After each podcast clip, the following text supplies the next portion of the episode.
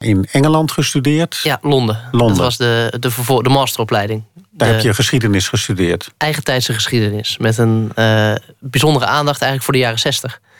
Eh, dus misschien op die manier kwam eigenlijk die, eh die maagdhuisbezetting ook wel in mijn blikveld.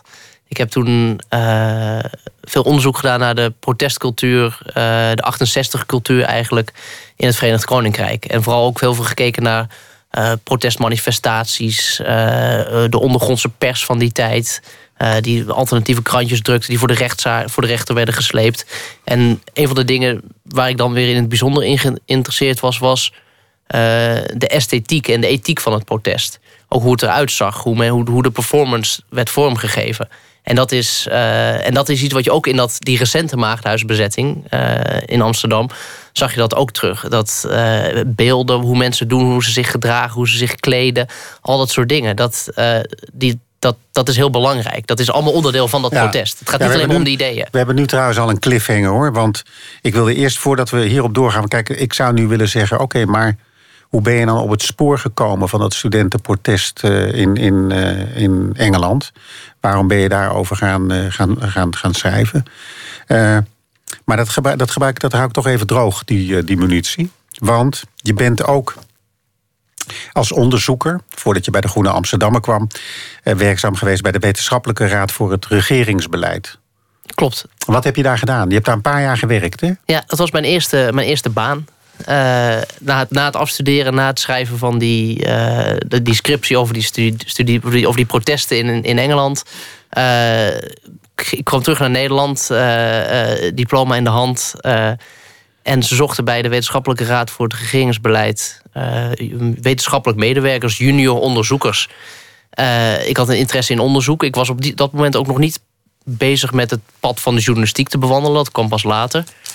Ehm, en ik was geïnteresseerd in maatschappelijke vraagstukken. Ik dacht, nou, dat lijkt mij een mooie baan. Dus ik heb gewoon ouderwets gesolliciteerd, een sollicitatiegesprek gevoerd en mocht toen beginnen op de Lange Voorhout, waar dat voor- om de hoek bij de Lange Voorhout op de Vijverberg, eigenlijk tegenover het Binnenhof, waar de wetenschappelijke raad toen zat. Mooie club. Ik, nog steeds, ik heb nog steeds ook wel contact mee ook. Waarom? Ehm, nou, omdat ze eh, iets wat wij vanavond misschien ook wel hebben, de, de rust hebben en wat we wat bij de Groenen ook hebben, maar de rust hebben om heel lang eh, over naar een onderwerp te kijken en echt de, de, de onderliggende structuren van een bepaalde maatschappelijke gebeurtenis of een bepaalde maatschappelijk thema echt dat helemaal uit te pluizen. En dat kan over religie gaan, dat kan over eh, sociale samenhang gaan, over buurten. Ik deed daar toen, en dat was eigenlijk eh, ik, ik kwam daar en toen, kort nadat ik daar zat, brak de economische crisis uit. De, de, de crisis van Wacht even, dat 2007, was wanneer? 2008. Sorry, van 2008. Ja. Ja. crisis van 2008. Die, dat, dus, dat, die zat daar toen, die, die kwam toen. En we zaten daar met die, met, met die raad die als taak heeft, eh, als gewichtige, gewichtige taak heeft, de regering te adviseren over alles wat zij belangrijk vinden. Eh, die, die raad die moest daar wat mee. Eh, en die, normaal hebben die een, een, een werktempo dat ik net al beschreef. Dat is langzaam, dat is bestuderen. Maar die crisis die, die overviel mensen, die verraste mensen. Iedereen was verrast op dat moment. De economische wetenschap, politici, noem het maar op. Dus toen hebben ze eigenlijk iets gedaan, of hebben we iets gedaan destijds, kun je, kun je zeggen. Wat een beetje onorthodox was voor de, de werkwijze van die raad. Is dat ze eigenlijk een soort journalistiek project zijn begonnen. En dat was een, een, een interviewreeks, een rondreis over de hele wereld. met een twintigtal vooraanstaand economisch denkers. Eh, professoren in de economie, maar ook eh, oud-politici. En aan hen hebben we de vraag voorgelegd. eh, hoe kan dat nou? Hoe kan het nou zo, die crisis? Wat, wat, wat is hier gebeurd? Hoe kan dat ontstaan zijn? Hoe kan, heeft niemand dat zien aankomen? Eh, en dat was een soort. Die, die mensen hebben gevraagd om gewoon hardop te denken op dat moment. Want als je die mensen gaat vragen om iets op te schrijven, dan, Ja, dan, eh, eh, dan, ben je vijf jaar verder. Ja. Dus in, eigenlijk in het oog van de storm van die crisis hebben wij toen. En dat, eh, fantastische mensen ontmoet ook. Dat we hebben bij Helmoet Schmid gezeten. een van de, dat was het, een van de mooiste interviews die we gedaan hebben. Daar was jij ook bij. Daar was ik bij, ja. Eh Wat herinner je je daarvan? eh, de, de snuiftabak die op zijn, op zijn Ja. Waarvan ik niet wist wat dat was, wat dat rare poeder was. Maar op een gegeven moment haalde hij een doosje tevoorschijn. Hij was natuurlijk een beroemd kettingroker. Maar tussen die sigaretten door nam hij ook nog af en toe een, een snuifje tabak. Eh, en eh, ik heb nog een brief van hem, want we stuurden op een gegeven moment het interview op met wat correcties. En dan kregen we een keurig briefje bij. Herr Schmid eh, schreef dat allemaal. En dat, dat, dat was een ontzettend imponerende man. Uh, ik moet hier aan denken. Wat, omdat, wat? Ja, sorry? Ja, ik moet hier aan denken omdat hij overleden is natuurlijk recent. Dus, maar, dat, uh, misschien... maar wat herinner je van het gesprek? Wat herinner je bijvoorbeeld van wat hij zei of andere mensen die jullie gesproken hebben? Nou, wat hij zei, dat, dat de, hoe wij naar de economie kijken, uh, dat, dat, dat vastzat in een bepaald paradigma. Waarin zoiets als, een, als deze crisis eigenlijk, bij wijze van spreken, niet bestond. Er was een soort geloof. Dat was eigenlijk ook wel een, een thema waar veel van die mensen op uitkwamen. Een soort geloof dat die markten zichzelf wel zouden reguleren. En dat ontsporingen, ontploffingen, zoals die implosies zou je kunnen zeggen, dat die um, als het ware door het systeem zelf wel voorkomen zouden worden. Nou ja, dat daar heeft iedereen die daarin geloofde, heeft daar uh, op moeten terugkomen. Dus dat was een, een, een, les in nederigheid natuurlijk ook wel voor de, voor de economische wetenschap. Um, dat was één ding wat, wat wat, wat veel terugkwam in die gesprekken. Wacht even, wacht even. Waarom, eh, want dat interesseert me ook wel. Dit heeft nu al meteen ook te maken met waar we het straks over gaan hebben... die maagdenhuisbezetting op de een of andere manier. Eh, Zeker. Dat geloof, hè, dat, dat dat maar eeuwig door zou gaan, die markten. Dat, waar, waar komt dat vandaan? Dan moet je niet zeggen, ja, zo werkt een geloof. Want uh, dat snap ik ook wel. Maar snap je wat ik bedoel? Ja, dat, dat, dat is, waar dat vandaan komt is dat er een bepaalde ideologie in de wetenschap sluipt. En die wetenschap is vervolgens de. Die sanctioneert vervolgens ook weer die ideologie. Dus het, het, het, het keert op die manier weer naar zichzelf terug. En, daar, en de wetenschap die heeft natuurlijk wel het, uh, het, uh, de, de statuur van de claim op de waarheid, de objectieve claim. Um, maar in die, in die manier waarop die wetenschap bedreven wordt, de keuze die je maakt van de onderwerpen die je onderzoekt, uh, de methodes die je loslaat op een bepaald vraagstuk, dat zijn allemaal uh, ideologische keuzes, zou je kunnen zeggen. Hebben jullie, heb, heb je geen dissidenten ontdekt? Mensen die zeg maar van meet af aan dachten... nee, maar dit kan niet goed blijven gaan. Ja, die waren er. En die hebben we ook wel één of twee gesproken. Maar Wie? die... die uh, Rubini was een econoom bijvoorbeeld, die, daar, uh, die, die eigenlijk al zegt: er komt een moment waarop die, uh, dat die, de economie zoals we hem nu hebben draaien, dat die in elkaar gaat storten. En waar dat precies vandaan kwam, het begon uiteindelijk met een, met een huizenzeepbel uh, destijds in de Verenigde Staten.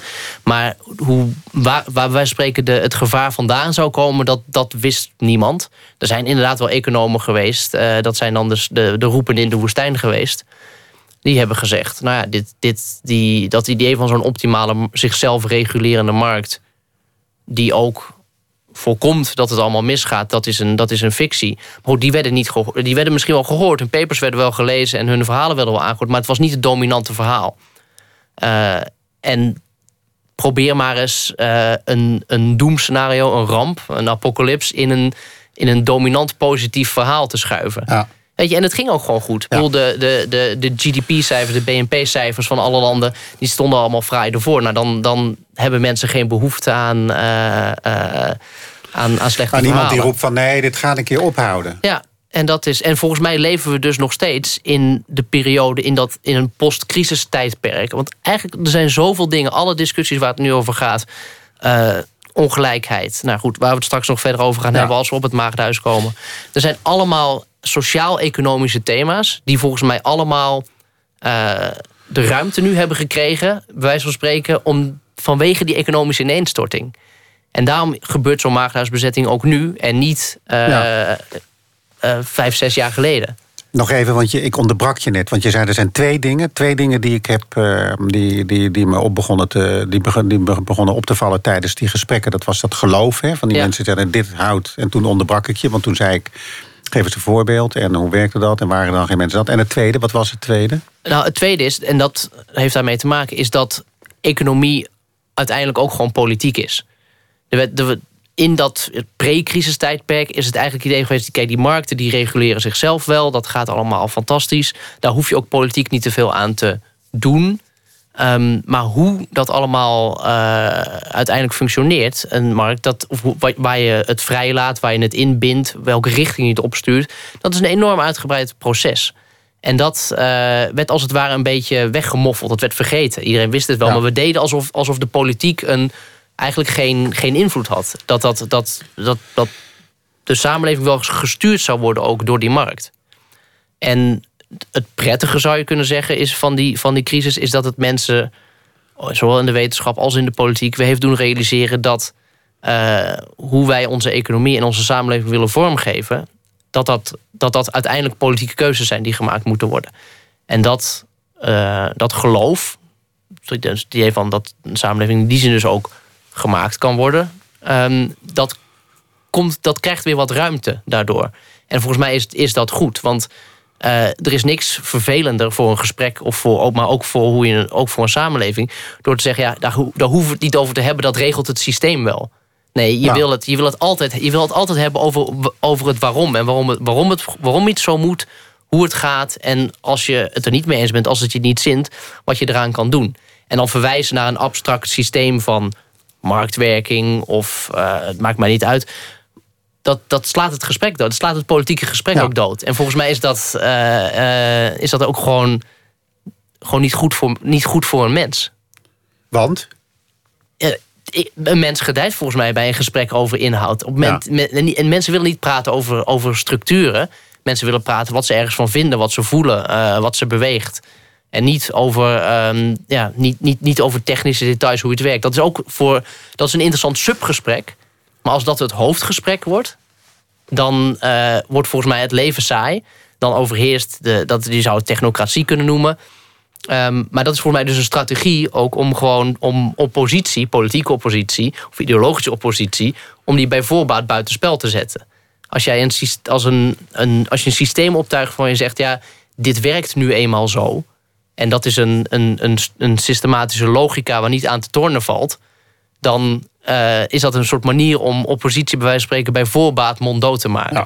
Nou ja, dat is. Uh, dat, ja, dat, daar geloof ik niet in. Dat lijkt me zonde. Wat was voor jou nou het meest leerzame tijdens die uh, periode? Als, als, als jonge wetenschapper, hè? het meest leerzame om, om, om, om, om mee te maken tijdens die rondreis langs al die mensen over de crisis? Ja, nou, de, heel praktisch was het een soort crash course economie in de, tijdens de grootste economische gebeurtenis van, van de afgelopen uh, decennia. Maar het grootste inzicht wat, je, wat ik er als heb ontleend, en volgens mij is iets waar je daarna in de journalistiek ook echt wel wat aan hebt. Uh, is dat uh, de, de claim op de waarheid of de claim op de werkelijkheid, dat die zeer betrekkelijk is. en dat zelfs de grootste expert, de grootste kenner, ehm, niet blijft spreken op zijn mooie blauwe of haar mooie blauwe ogen geloofd moet worden. En dat, dat zie je op het moment dat je dus twintig experts, twintig grote namen, twintig grote denkers naast elkaar zet en ze allemaal vraagt om op hetzelfde onderwerp te reflecteren, komt er een enorme verscheidenheid aan, uh, aan visies naar boven. In dit geval dan op die crisis, want daar ging het maar over. Maar was dat voor jou een nieuw inzicht? Ik bedoel, was het, was het, was het, had je dat niet al eh, in Londen toen je geschiedenis studeerde uh, bedacht bijvoorbeeld dat, dat, dat zo'n claim op de werkelijkheid of een claim op de waarheid, dat die altijd maar betrekkelijk is? Tuurlijk, dat, bedoel, dat, dat, dat, leert, dat leert iedere Precies. student op de universiteit. Ja, maar dat, ook dat is een theoretische aanname, totdat je het een keer meemaakt, heel erg gekoppeld aan een concreet onderwerp. Aan een, aan een gebeurtenis. En nou, wat ik zeg, in dit geval was dat dan de, de, de crisis. Ehm, en dan, raakt het ook echt aan, aan, aan het leven van mensen. Wat ik zeg, dat was, dat was het gesprek van de dag. Dat was waar iedereen het op dat moment over had. En waar iedereen ook echt gewoon wereldwijd met zijn handen in het haar zat. Omdat men had het niet zien aankomen. Nou ja, dat is. Uh, ik, ik, ik, denk nu ter plekke, maar misschien is dit wel een soort vormend uh, geschiedkundig moment geweest voor mijn generatie, weet ik niet. Maar het is wel iets. het was een, weer even terug naar, de, terug naar de basis, als het ware. En weer opnieuw naar de, op, weer opnieuw naar de wereld kijken. Ja, wat voor, wat voor generatie ben jij? Uh, ja, ik, ik formeel, maar ik vind dat ze, die, dat ze de definitie daarvan nogal breed hebben Jij bent van, van je 83. Bent 83. En dat formeel zou ik daarmee een millennial kunnen zijn. Maar volgens mij doe ik toch niet mee aan die, aan die, aan die kwalificatie. ik zou zeggen dat, dat mijn generatie wel de generatie van de jaren negentig is. waarin het niet op kon en alles echt fantastisch ging. En, en van optimisme. Maar... Um, maar wacht even, voordat je aan je maar begint. Eh, heb jij ook in dat besef geleefd? Van nou, dit, dit houdt nooit meer op, dit gaat eeuwig door deze, deze groei? Nou, het, het punt is, op het moment dat ik me bij wijze van spreken zelf die vraag kon stellen, uh, kwam die crisis. Dus die, die viel ook ongeveer, denk ik wel, samen met mijn. Eh, met, met het sluitstuk van, mijn, eh, eh, van, van een bepaalde weg tot maatschappelijke bewustwording. Ehm, en omdat ik bij wijze van spreken nog net weet hoe het daarvoor was. En dat is, dat is de maar die ik, die ik, die ik wilde aanbrengen. Ehm, kijk, het is een, een, volgens mij is dat ook het moment geweest waarop de stijgende lijn. Eh, eh, voor het eerst sinds een heel lange tijd weer echt flink naar beneden is ingezet. Door de, de jaren tachtig, eh, de mensen die toen de arbeidsmarkt op moesten, hadden het ook niet makkelijk. Dat, dat, dat weet ik ook wel. Maar ook als je kijkt naar, de, naar, de, naar, opiniepeilingen en al dat soort dingen. Ehm, inmiddels leven we in een tijd waarin het merendeel van de mensen echt de verwachting heeft dat komende generaties het minder goed zullen krijgen dan voorgaande. Nou, dat, en dat is in de naoorlogse geschiedenis is dat uniek. Ja. Nou, dat is. En ik, ik bij spreken eh, heb het gevoel dat ik net op dat scharnierpunt heb gestaan. Dat ik, heb, ik kan goed zien wat er, wat er geweest is. Ik weet niet wat er komen gaat, dat weet niemand. Maar ik kan wel heel goed de, die verandering voelen. Althans, bedoel, iedereen. Maar als je nou je, jouw generatie moet, moet, moet kenschetsen verder. Hè, en dan los, nog- je, je hebt het nu al economisch gedaan. De generatie die nog even meemaakte dat iedereen zijn huis aan het verbouwen was. en er nog een dakterras Ja. op, op zette ook. En toen ging dat opeens eh, wat minder worden. Oké, dat heb je meegemaakt. En ook dat minder worden. Maar wat, wat, wat, wat typeert jouw generatie verder, denk je? een weinig hechten aan, aan institu- beproefde institutionele manieren om iets te regelen. Eh, eh, het, het, de lidmaatschap van de politieke partij, de vakbond, et cetera. De, de kaders waarin eh, mensen lange tijd gedacht, gediscussieerd en, en, en zich tot de maatschappij hebben verhouden, zijn niet zo interessant voor, voor veel mensen meer. Ik denk dat dat, dat belangrijk is. Dat is niet per se hetzelfde als dat dingen individualistischer worden. Dingen worden meer ad hoc. De manier waarop dingen georganiseerd worden, eh, dat, dat wordt, gaat al wat meer eh à l'improviste, zou je kunnen zeggen. Ehm, ik denk dat dat mijn generatie typeert. Ehm, het is niet dat, en dat staat ook niet gelijk aan, aan minder politiek bewustzijn of minder politieke interesse. Dat is, dat, dat, dat, dat, dat, daar staat een niet, niet symbool voor, denk ik. Ehm, want het is nog altijd lastig. Hè? Je moet je eigen generatie. Ja, dat is- dat is, dat, het is altijd eigenlijk aan anderen om een, om een. En een generatie laat zich misschien, net als de meeste belangrijke gebeurtenissen, pas goed achteraf duiden. Maar goed, we kunnen een poging doen om daar nu hardop over na te denken. we- dit, liften we ook naar het volgende uur. Want ik heb er nog één. En nog twee dingen. Je hebt het trouwens aan je vader opgedragen, het boek. Ja, klopt. Wanneer studeerde je vader aan de UvA? Eh, in de jaren zeventig. Vroege jaren zeventig. Eh, Dus die zeg maar, heeft, eh, rode, die- rode tijd, om het zo maar te zeggen. Al was heeft mijn vader niet zo rood. En het mooie is dat er zit een klein grapje in, eh, in, het, eh, in het boek. Daar, het, het, is niet een grapje. Ik heb het opgedragen aan mijn vader en ik noem hem een UvA-alumnus. en formeel is hij dat ook. waar het niet dat hij nooit zijn diploma heeft gehaald. Hij heeft rechten gestudeerd, sociologie gestudeerd, economie gestudeerd. Ehm, Dat kon toen allemaal nog. Dat? Je kon toen kon, allemaal je kon nog. er twintig jaar studeren Je kon, en, en je kon ook prima, bij wijze van spreken, de universiteit verlaten zonder diploma. En daar vervolgens eh, op geen enkele manier hinder van ondervinden in de rest van je leven en de rest van je carrière. En ik denk dat dat ook niet meer zo is. Ja, ik zei ook, je hebt een, je hebt een heel mooi motto gekozen. Ehm, lees het maar eens even voor in het Engels. En dan even waarom je hem hebt gekozen. En licht hem even toe. No doubt, our age, like every other, is a time of crisis. And anything which diminishes unnecessary maladjustments within and between human beings is to be welcomed. Het komt uit eh, Notes on the Way, een essay van Isaiah Berlin. Ehm, En wat zegt hij? hij zegt eigenlijk, en ik, het mooiste woord is, en dan, dan, dat is het antwoord deels meteen op je vraag, maladjustments, verkeerde aanpassingen. Het is één woord, het is moeilijk te vertalen vanuit het Engels. Hij zegt eigenlijk, en daarmee zegt hij eigenlijk, mensen die zich, je, aanpassen is bijna altijd al verkeerd. Hij zegt eigenlijk, ehm, alles, wat, alles wat voorkomt dat mensen zich conformeren, moet worden verwelkomd. Hij, en dus rebellie. Het is een uitnodiging tot. Ik zie, ik zie het als een soort. Ik heb het, ik heb het hierin gezet omdat ik het een uitnodiging tot rebellie vind. Of een, eh, een, een, een onderstreping van het feit dat op het moment dat rebellie of verzet tegen conformisme eh, zich voordoet, dat je in, dat in ieder geval moet verwelkomen. En dat is eh, natuurlijk waarom ik dat hier zet als, als motto van mijn boek. Ehm, als zo'n bezetting, zo'n maagdenhuisbezetting, maar welk protest dan ook gebeurt, is de standaardreactie vaak conservatief. In de zin van, oh, oh wat gebeurt hier? Uh, uh, rustig aan, et cetera, et cetera.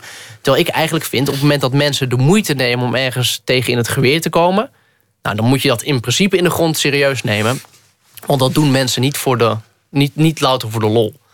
Uh, misschien, wel voor, misschien zit er altijd wel een element van, van, van spanning zoeken of, of trappen om het trappen in. Maar als mensen echt met, met overtuiging zich ergens tegen verzetten, dan, uh, ja, dan, moet, dan, moet, dan moet het verzet op zijn merites worden beoordeeld. En dat boek is een poging om ja. dat. In dit Weet jij in welke context uh, Berlin dit heeft, heeft geschreven, of niet? Ja, hij schreef dit uh, toen hij zelf terugkwam na een verblijf in de, Verenigde, in, na een verblijf in de Verenigde Staten. Uh, in de, de, jaren van de Tweede Wereldoorlog. Hij kwam oorspronkelijk uit, uh, uit een van, de, wat was het, Litouwen, Estland, Letland? Wit-Rusland volgens mij. Wit-Rusland, ja. ja. En uh, hij, zat, hij doseerde in, in, in, in Engeland. In, en hij zat in die jaren, in die oorlogsjaren in de, Verenigde, in de Verenigde Staten. En hij vergeleek in dit essay waar ik dit uit, uit citeer, vergeleek hij de academische cultuur tussen in de Verenigde Staten en Engeland vergeleek je met elkaar. Wanneer zat hij in Amerika? Uh, ja, midden jaren 40 hebben we het dan okay, over. Ja. ja. En die vergeleek hij en toen? Nou ja, en toen kwam hij eigenlijk tot de conclusie... hij vond uh, de studenten in, uh, in de Verenigde Staten... minder intelligent, minder, minder belezen, minder, minder bezet met culturele bagage. Maar hij vond ze wel mondiger en wat, wat, wat, wat gebekter en wat uitdagender. Dat vergeleek hij dan met zijn Britse studenten. Die vond hij dan inderdaad intellectueel wat meer aan de maat. Maar misschien ook wel iets, iets conformistischer. En dat non-conformisme, dat hij schreef dit ook in de. In, in, dus in, we hebben het nu over uh, de jaren van, van Nazi-Duitsland. Dus dat idee van dat conformisme, dat is, dat, voor hem was het op dat moment ook echt daarop geënt. dat, dat, dat, maar hoe kwam dat, dat die Amerikanen zeg maar, minder conformistisch waren? In zijn ogen? Of, ja, of... in zijn ogen, in zijn ogen. Weet je dat nog? Nee, weet jij het? Nee. Goeie vraag. Ik weet niet. Ik denk, ik zit even. Te, ik, zit, ik heb het zo even geleden dat ik het essay helemaal gelezen heb. Um, het, het, het heeft wel een deel met die, voor, ook, ook in de ogen van Berliner wel voor mij, een deel ook wel te maken met dat, uh, uh, met een soort vrijheidscultuur die in het idee van in het idee Verenigde Staten geworteld is. De mensen die daar komen, uh, het idee dat je je eigen leven daar opbouwt, al dat soort dingen. Um, en, en Engeland, ik, bedoel, ik heb het aan de leven ondervonden en ik kom er nog steeds regelmatig, is op een bepaalde manier uh, het land wat, wat, wat het conformisme zo ongeveer heeft uitgevonden. Ja. Maar ook, ook een, stiekeme, een stiekeme rebellie in zich heeft in dat conformisme. Dat, nou ja, dat is wel mooi. Dat is wel mooi voor het volgende uur, want uh, je studeerde daar. Je hebt een scriptie geschreven, neem ik aan, over dat uh, studentenverzet in, in, ja. in Engeland. Ja, klopt. hoe lang heb je aan die scriptie gewerkt? langer dan, dan kan eigenlijk. Dan, langer dan de bedoeling was. een jaar langer dan, dan, dan, dan er officieel voor stond. En dat had allerlei oorzaken. Um, maar ik had in ieder geval de rust en de ruimte om daar een, een, een goed jaar uiteindelijk aan te zitten. Mag ik het boek even terug? Ja. Want in grote woorden praat ik nu met Casper Thomas, redacteur van de Groene Amsterdammer, over competente rebellen. Hoe de universiteit in opstand kwam tegen het marktdenken. En in het uur hierna gaan we daar uitgebreid op door. En dan gaan we gewoon weer terug naar Engeland. Dan kun jij namelijk uitleggen waar die scriptie van je over ging, wat je ontdekte. En dan fiets je op een ochtend op weg naar de redactie van de Groene Amsterdammer langs het Maagdenhuis. En wat zag je toen? Uh, een, een, spandoek op de deur, uh, boven de deur. De nieuwe universiteit welcomes you. En wat was je eerste gedachte toen? Nou, dan ga ik daar naar binnen natuurlijk.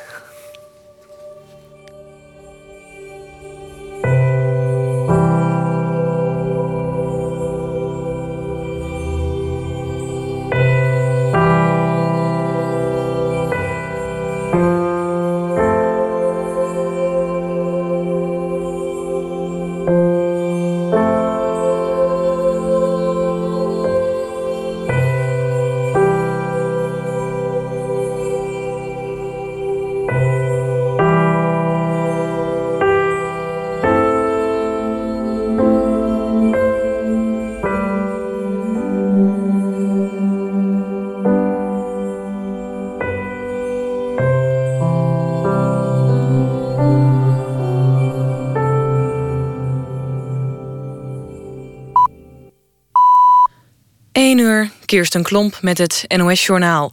Premier Rasmussen van Denemarken noemt het steeds waarschijnlijker... dat er grenscontroles komen langs de grensovergangen met Duitsland. In zijn nieuwjaarstoespraak zei hij dat hij niet opnieuw vluchtelingen... op de Deense snelwegen wil zien. Rasmussen reageert op het besluit van Zweden... om vanaf maandag iedereen te controleren die vanuit Denemarken naar Zweden wil. Als er daardoor vluchtelingen in Denemarken blijven steken... vindt Rasmussen het ook noodzakelijk om grenscontroles in te voeren. Bij een gevangenisopstand in Guatemala tijdens Oud en Nieuw... zijn zeker acht doden gevallen en 24 gewonden. Volgens het verantwoordelijke ministerie zijn in ieder geval twee mensen onthoofd... en twee mensen levend verbrand. De reden van de opstand is nog niet duidelijk... maar men gaat uit van een uit de hand gelopen ruzie. De gevangenis is zwaar overbevolkt, schrijven Midden-Amerikaanse media. Het gebouw is bedoeld voor 175 gevangenen... maar er zitten nu bijna 1000 mensen. Sittard is in één klap 11 miljonairs rijker... want de postcode loterijkanjer van 43,9 miljoen viel op hun postcode. De 15 winnaars die met die code meespeelden... verdelen met elkaar bijna 22 miljoen euro. De andere helft wordt donderdag verdeeld over de andere deelnemers in de wijk. Het noordoosten van het land krijgt dit weekend mogelijk te maken met sneeuw. In Groningen en in delen van Drenthe, Friesland en Overijssel... gaat het vanavond laat eerst regenen... en de temperaturen zakken tot onder het vriespunt. Daarbij kan wat sneeuw of natte sneeuw vallen. Weerbureau Weerplaza waarschuwt voor gladde wegen zaterdagnacht. In de loop van zondag kan het nog meer gaan sneeuwen. Het weer, kans op sneeuw dus dit weekend. Vannacht koelt het af naar 2 tot 5 graden... en in het zuiden kan wat lichte regen vallen. Komende dag trekt de regen langzaam naar het noordoosten. De temperaturen lopen overdag uiteen van 4 graden in het noorden... tot 10 graden in het zuiden van het land. Dit was het NOS Journaal. NPO Radio 1. VPRO. Grote woorden. Met Wim Brands. Ja, dit is de vijfde aflevering van Grote Woorden. Het begon maandag en Vanavond eindigen we met deze reeks. Grote woorden. Pogingen om uh, vergezichten te schetsen. Mark Rutte die mag dan zeggen dat uh, nu Nederland het EU-voorzitterschap heeft... er van uh, hem geen vergezichten hoeven te worden verwacht. Nou, daar houden wij ons niet aan. Dat gaan we wel proberen. Dat hebben we ook de hele week geprobeerd. Vanavond de gast Casper Thomas. Hij is redacteur van de Groene Amsterdammer. Hij werkte voor de Wetenschappelijke Raad voor het Regeringsbeleid. Hij studeerde in Maastricht, hij studeerde in Engeland. En hij schreef Competente Rebellen. Hoe de universiteit in opstand kwam tegen het marktdenken. En dat gaat over de laatste maagdenhuisbezetting. Die hij in een veel breder perspectief plaatst. Om het uiteindelijk een symbool te laten worden voor een nieuw tijdperk. Maar voordat we dat nieuwe tijdperk laten aanbreken, Casper, gaan we eerst weer even terug naar Engeland, waar je studeerde in Londen, geschiedenis, en waar je uiteindelijk een scriptie hebt geschreven over het Engelse studentenverzet. Of was het meer dan, dan het studentenverzet? Ja, het ging, het, het ging veel breder dan het, dan het studentenverzet. Het was de, ja, de, de counterculture. Het ging over uh, de protestcultuur van de jaren zestig in, uh, in het Verenigd Koninkrijk. Uh, en dan hebben we het echt, dat is, ik, ik kan me dat niet voorstellen uh, dat, dat, bij, dat dat zo recent nog is. Um, als daar een, uh, je, je, kent de, de, de, beroemde rechtszaak over het boek van, van Lawrence, de Lady, Lady Chatterley Trial. waarin, dat, wat, dan hebben we het over 63, waarin een boek. Waarin, dat was in 1963, dat, dat proces. Ja, ja um, en waarin, nou ja, goed, het, het zal niemand nu meer rode oortjes bezorgen, denk ik. Uh, maar dat Zij doet het met de tuinman, hè? Dat was het toch? Ja, ja nou, nou, dat, werd, dat, dat, dat, dat, dat kon niet. Dat, dat, dat boek werd, dat, dat werd, voor de, werd voor de rechter gesleept. Nou goed, en dus binnen een paar jaar na... Ik, ik noem die rechtszaak even omdat het een soort echte tijdgeest alweer geeft. En binnen een paar jaar liepen in Londen en op andere plekken in Engeland... liepen allerlei volk rond in, in, in gekleurde kleren... Uh, uh, en, en schreef krantjes waarin uh, seksuele contact, contactadvertenties stonden. Uh, waarin uh, vrije liefde werd gepromoot. Waar bloot op te zien was. Nou, het, dat, dat, dat kon natuurlijk niet. Dus er was op dat moment een enorme clash gaande. tussen die, die, die counterculture, die, die, die hippie-achtige jongeren. en het Britse vrij conservatieve establishment. En of gewoon de, de Britse burgerij zou je kunnen zeggen. En dat ging dus heel vaak tot de rechter aan toe. Ik heb mij dus verdiept voor die scriptie in de rechtszaken die werden gevoerd tegen een aantal dat heet dan underground press. Dat waren gewoon gestencelde krantjes die daar een beetje van hand tot hand gingen onder jongeren. Ehm, en die werden, voor, die werden, werden gewoon voor de rechter gedaagd. Echt in, in de Old Bailey, de, de, de meest statige, zware courtroom die er in Londen te vinden is. En die, en die, die maffe hippies die verschenen vervolgens uh, in, die, in die rechtbank. ze moesten zich verdedigen tegen de aanklacht uh, dat zij de, de publieke moraal aan het corrumperen waren. Nou, dat, dat is nogal wat. Uh, en wat zo leuk was, wat zij deden, dat zij die, in plaats van dat ze bang waren voor die, voor die rechtszaak, hebben ze die rechtszaak aangegrepen om spektakel te maken.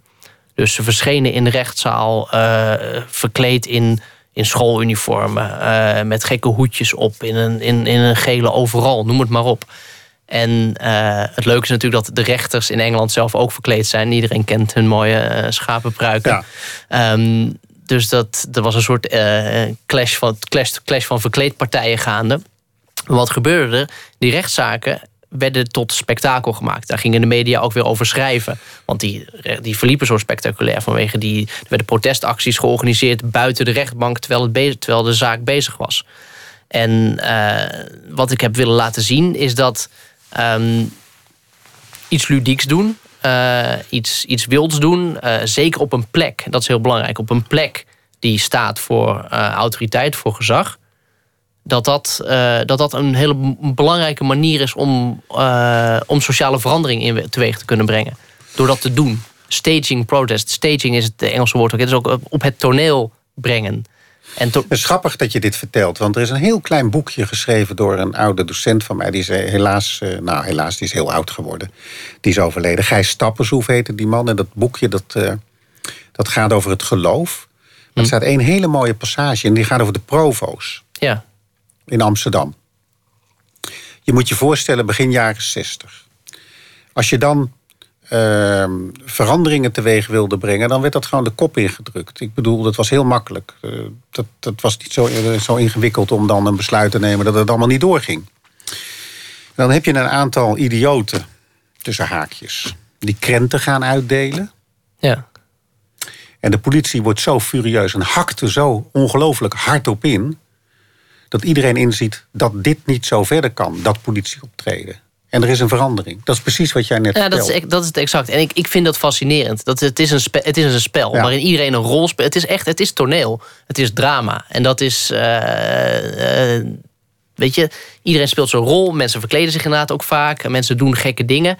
Uh, men, de, en, en, mensen worden uit hun rol gedrukt... of, of raken in verwarring over wat hun rol is. en dat is... en op het moment dat mensen niet meer weten welke rol ze moeten spelen of door een partij worden uitgedaagd uh, op die rol, gaan mensen ook volgens mij nadenken over uh, hoe ze hun eigen rol in de samenleving moeten invullen. En op het moment dat mensen over zichzelf gaan nadenken hoe zij zich moeten gedragen, hoe ze zich op het maatschappelijk toneel moeten begeven, als dat anders gaat, dat is, dat is waar, waar brede sociale verandering mee begint. Kijk, je kunt geschiedenis beschrijven aan de hand van, van de grote processen, aan de hand van uh, ismen, het liberalisme of het socialisme, maakt helemaal niet uit. Maar je kunt het ook beschrijven aan de hand van wat mensen doen.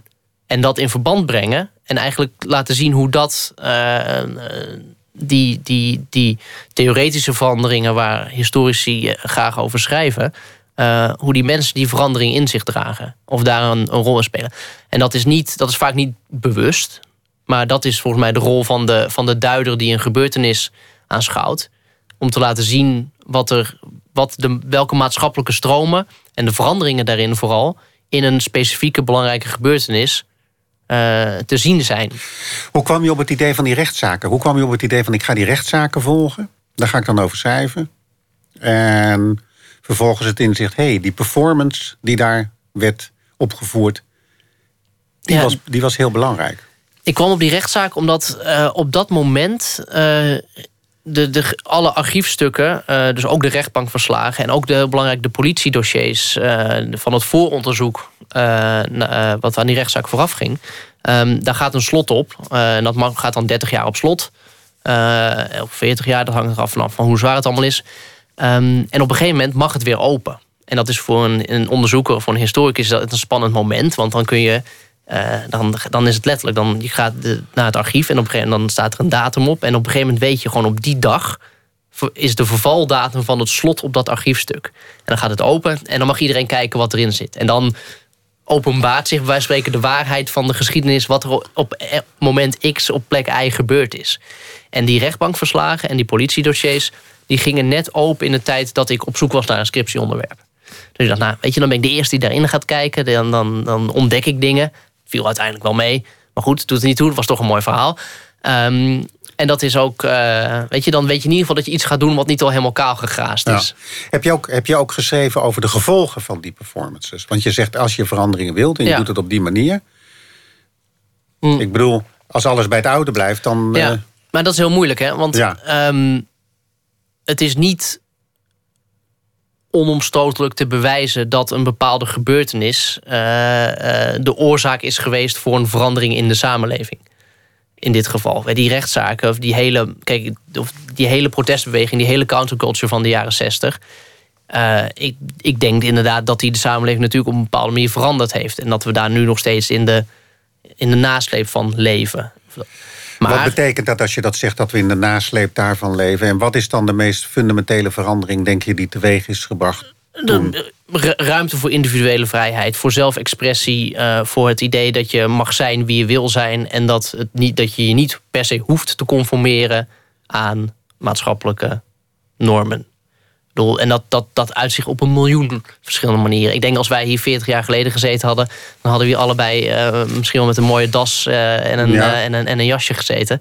Ja, en nou, een echt haardvuur, denk ik ook. En een, dat, dat, zou, dat zou dan weer wel mooi geweest zijn. En zo'n das misschien ook wel. Maar nu zitten we hier toch redelijk casual erbij. Ja, we hebben, en, en wat we zouden eh, zeggen, dat zou helemaal gescript zijn. Ja. Mijn vragen, jouw antwoorden. Ik zou je misschien niet eens zitten, want uh, ik denk dat je. Dat, ik zou er misschien wel te jong bevonden worden om op de radio, op, op, publieke radio te verschijnen. Dat, dat, dat we misschien toch iets meer voor, voor oudere heren. dus dat. weet je, dat, dat trouwens ook dat, dat belang van jong zijn en, en ook jongheid, jong als ideaal, uh, dat, is, dat is natuurlijk echt iets van de jaren zestig. Dat is. Laten we nu de sprong maken naar het Maagdenhuis. is maar een hele kleine sprong eigenlijk. En dan niet het Maagdenhuis, de bezetting uh, toen, maar de recente. Ja. Je fietste er langs. Dat was op welke ochtend was dat? Wanneer? Want het was een, die bezetting, wanneer begon die ook al? 25 februari. Ja, en het begon, maar het, en het begon eigenlijk al s'nachts. Want die, de, de, de bezetting begon uh, in um, s s'avonds eigenlijk, om nu of zeven. Uh, en, uh, en duurde het, en begon meteen al de hele nacht. En die eerste nacht was ook meteen een van de meest spectaculaire nachten. Waarin de burgemeester naar het Maagdenhuis kwam. Waarin het college van het bestuur verscheen. En met die studenten in gesprek ging van... hé, hey, jullie moeten hier weg. En die studenten zeiden nee, we blijven zitten. En dat was de, de, de ouverture, als het ware, uh, van, die, van die bezetting. Ja. En die, het mooie is, die uh, uh, hebben heel veel mensen ook kunnen zien... dankzij sociale media. er werd over getwitterd. de, veel van de omroepen, Stadsomroep, AT5... maar ook een aantal landelijke nieuwszenders... Die, die hadden een livestream lopen die avond. Waardoor heel veel mensen, ik, ik, ik mijzelf inclus al konden kijken wat er gebeurde die eerste avond van de bezetting. Dus je hoefde niet eens meteen, je hoefde op dat moment niet midden in de nacht om twee uur s'nachts naar het maagdhuis te rennen. Want het werd gewoon. Je kon gewoon thuis blijven zitten. Ja, en dat kon dat gewoon op de laptop, op de laptop bekijken. Uh, en dat, uh, dat werd gewoon van minuut tot minuut werd, dat, werd daar verslag van gedaan. en dus toen ik inderdaad die ochtend daarna, na die, na die woelige avond, daar langs fietste en dat, dat spandoek zag hangen en denk, nou ja, nu ga ik ook meteen maar naar binnen ook. Uh, en dat is dan wel weer het verschil. Dan voel je meteen de energie van zo'n plek. Maar wacht even, je kwam er langs gefietst de volgende ochtend... Zo, hè, op weg naar de Groene Amsterdammer. Ja. En toen zag je dat... Wat stond er op het spandoek? Uh, de nieuwe universiteit welcomes you. Ja, wat was je eerste gedachte toen? Nou, Als je het nog weet. Ja, mijn eerste gedachte was een gedachte die veel mensen volgens mij hebben... op het moment dat je het woord maagdenhuizenbezetting hoort... dan ga je aan de jaren zestig denken. Ja. En een gebeurtenis, zoals deze recente maagdenhuisbezetting uh, weet je, kan ook meteen in, bij mij op dat moment in een soort mentaal register geplaatst worden. Want het fenomeen een maagdhuisbezetting is al helemaal doorspekt van allerlei uh, uh, gevoelens en ideeën. Je weet meteen, oh, dat gaat over opstaan tegen autoriteit. Dat gaat over eh, een ander type universiteit willen. Het gaat over democratisering. Ehm, dus dat, en dan kun, je, dan kun je bijna gaan vergelijken. Dat was toen de Maagdhuisbezetting van 69. Nou, we hebben er weer één. Totaal is het Maagdhuis twaalf keer bezet geweest in de geschiedenis. Ehm, en op dat moment dacht ik, nou weet je, ik, ik, ik schreef al langer over universiteiten voor de Groene Amsterdammer. Dus dacht ik, ga gewoon eens kijken wat deze uh, bezetters te vertellen hebben. Hoe heb je dat gedaan? Wat, wat, wat ben je gaan doen vervolgens? Je bent natuurlijk gewoon op bezoek gegaan, je bent rond gaan lopen. En gewoon heel regelmatig, elke keer weer terug als er een debat werd gehouden, als er een spreker kwam. Um, ik zei net al, bedoel, die Maagdhuisbezetting, het Maagdhuis ligt aan het Spuien in Amsterdam. Uh, de Groene Amsterdammer uh, resideert op het Koningsplein. Dat is daar in ja, dat 300, dus 300, meter 300 vandaan. meter, je kon gewoon... Dus uh... ik kon, zodra er iets was... en ik hield het gewoon de hele dag... hield ik, als ik achter mijn bureau zat te werken aan een ander stuk...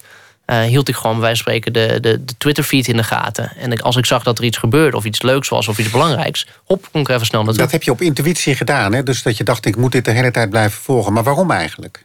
Want er waren ook mensen die dachten, ja, die maagdenhuisbezetting... dit, dit stelt helemaal niks voor. Ze moeten er ook uit nu, eh, weet je, dit is een protest van niks. Maar jij dacht, nee, wacht even. Dat moet je gedacht hebben. Er is hier iets anders ook aan de gang. En dit wilde je blijven volgen. Ja, nou ja, de, de, de gesprekken die daar gevoerd werden, het, het grappige, die herkende ik van, uh, van heel veel andere artikelen die ik had geschreven. Het ging, en dat ging veel verder van die artikelen die in de Groene in de breedte verschenen. Dat ging veel verder dan alleen universiteiten.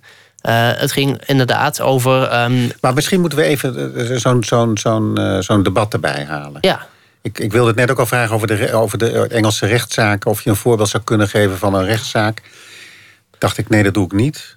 Want er gebeurde in het Maagdenhuis straks ook nog uh, genoeg. Ja, er gebeurde een, een, een, een, debat. Er, werden ook sprekers naar binnen gehaald. het was een open podium bijna, zou je kunnen zeggen. En er werden sprekers uitgenodigd, uh, ook buitenlandse sprekers. Ja, noem eens een voorbeeld van een buitenlandse spreker. Iemand die je hebt gehoord en die ook echt, echt indruk op je maakte. Ja. Met zijn analyse, met zijn verhaal, met zijn... Um, er zijn er twee. Laten we, laat ik uh, Wolfgang Streek noemen. Uh, een Duitse, die, ja? Duitse wetenschapper, een brave politicoloog, politiek econoom zou je kunnen zeggen, die um, de afgelopen jaren uh, mentaal is geradicaliseerd. in de zin dat hij na jarenlang keurige vergelijkingen hebben gemaakt van verschillende types verzorgingsstaten, eigenlijk heeft gezegd: Nou, weet je jongens, het kapitalisme zoals we dat nu kennen, dat loopt op zijn eind. We hobbelen van crisis naar crisis naar crisis. En, aan welke universiteit zit hij? Uh, hij is inmiddels met emeritaat. Hij zat aan het Max Planck Instituut uh, in, in Duitsland. Ja. Um, en, dat, en, en, nu schrijft hij boeken. Een, het boek waar hij over kwam vertellen in het Maagdenhuis als spreker. dat heet Gekochte Tijd. En dat gaat eigenlijk zijn, zijn stelling is dat het, het democratisch kapitalisme zoals dat na de Tweede Wereldoorlog in Europa ontstaan is, dat loopt op zijn eind. Het, en dat komt omdat de labmiddelen die we hebben om dat politiek-economisch model draaiende te houden, die zijn inmiddels wel op. En hij in zijn analyse, en dat is, daarom licht ik dat er nu uit, um, is een heel belangrijke rol weggelegd voor schuld. Financiële schuld. Uh, het, het, het, rood staan. Uh, op zwart, nou, noem het maar op. Uh-huh. En um, hij zegt dat is iets. We zijn verschillende fases doorgegaan. Waarin op een gegeven moment. we hadden een fase waarin de, de staat was. die zich voornamelijk in de schulden stak. om de verzorgingsstaat draaiende te kunnen houden. gewoon geld lenen om sociale voorzieningen te betalen. En daarmee ook sociale rust te kopen, als het ware. Um, nou, dat model is eigenlijk met die crisis waar we het net al even over hadden, uh, geïmplodeerd, in elkaar gestort. En nu zijn we inmiddels in de fase van de private schuld aangekomen. Um, en dat is het idee dat er ergens geld vandaan gehaald moet worden om die dure verzorgingsstaat te betalen. Dat die last drukt inmiddels op de schouders van het individu. Uh, en toen hij dat aan het vertellen was, dacht ik, ja, Warempel, die man heeft inderdaad gewoon gelijk. Want hier zitten generatie studenten die de eerste generatie studenten is die geen studiebeurs meer. Nou, vroeger kreeg natuurlijk niemand een studiebeurs, maar goed, even laten we zeggen: hier zit, een, hier zit een generatie die, die afscheid neemt van, de, van de studiebeurs. Ik heb hem nog gekregen. Ik kreeg keurig vanuit Groningen uh, een paar honderd euro per maand om. Uh... Ja, in mijn tijd, ik ben van 59. Ik uh, bedoel, ik, ik ken de jongens die waren, die, die, die gingen tien jaar door, joh. Dat, mm -hmm. dat bleef maar uitbetalen. ja. En, en deze studenten, dat, bedoel, dat, is, dat is gebeurd kort voordat dat maagdenhuis uh, bezet werd. Is gezegd, nou jongens, voortaan is het niet meer uh, krijgen, maar is het lenen. met als gevolg dat een pas afgestudeerde zijn leven zal beginnen met een flinke schuld. nou goed, dan kun je vervolgens een, een debat over voeren of dat wel of niet goed is. Maar even gewoon laten we het puur bij de feitelijke constatering houden. Dat, dat, dat het idee van jezelf, je moet jezelf in de schulden steken om te kunnen studeren. Dat is in, in ieder geval voor Nederland, is dat relatief nieuw. In ieder geval is de zwaarte ook van die schuld is enorm toegenomen. En dat is, dat, is, dat is misschien vervelend op een individueel niveau, maar het is ook, het staat ergens voor. Het staat namelijk voor een manier van kijken naar hoe vind je dat um, een, een individu, een, een student, uh, uh, zeg maar door het leven moet gaan. Het past dat jezelf in de schuld steken past ook. Er zit een ideologie achter. Het is een idee. Uh, je moet investeren in jezelf. Het individu wordt bijna als een bedrijf gezien. Je moet lenen, je investeert in jezelf. Daarmee neem je een soort risico. En je hoopt dat die investering zich uitbetaalt. In de vorm van een goede baan. Punt is, als het niet zo is, dan zijn de vervelende gevolgen ook voor het individu. Dus als jij leent en je investeert in jezelf. En uh, na vier jaar studie blijkt de arbeidsmarkt zo te werken. Of je hebt een studiekeuze gemaakt die niet helemaal uh, aansluit bij het type baan dat op dat moment uh, in trek is, dan heb, dan heb je een soort bedrijfsrisico genomen. En dan, uh, ja, dan moet je daar ook maar voor op de blaren zitten. Dat is een, dat is een model, dat is een keuze voor een, een, een ordeningsmodel waarin we het studeren nu vatten.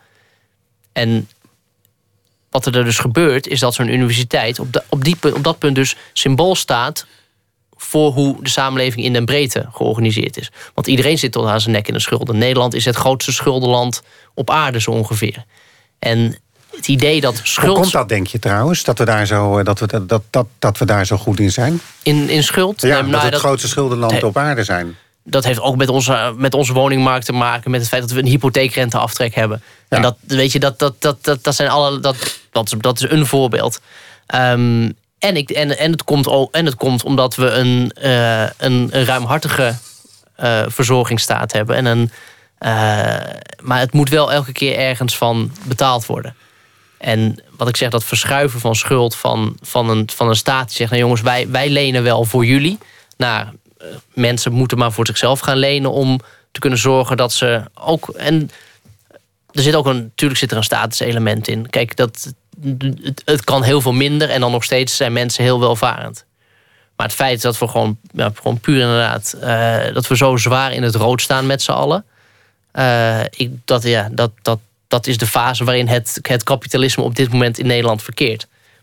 En de studenten zijn daar de laatste, uh, het laatste voorbeeld van. Die worden in het schuldenregime ja. gesloten. Je gaf een voorbeeld van een lezing die je daar hebt uh, gevolgd. Van die Duitser die, die indruk op je maakte. Ja. Maar je hebt natuurlijk meer lezingen. Geef nog een voorbeeld van een lezing die je daar hebt bijgewoond. Of een debat. Ja. Wat voor jou ook een eye-opener was. Die Duitser was dat. Hè? Die, ja, Wolfgang Streek, zeker. Ja, ja de geleende, en, geleende, gekochte tijd. Gekochte tijd. Ja, aanraad. Dat is mooi. Het is het... Uh, Um, voor eurosceptici en, en, en andere bezorgde mensen is het, is het een aanrader. En voor iedereen trouwens. Het is een, heel, het is een goed boek.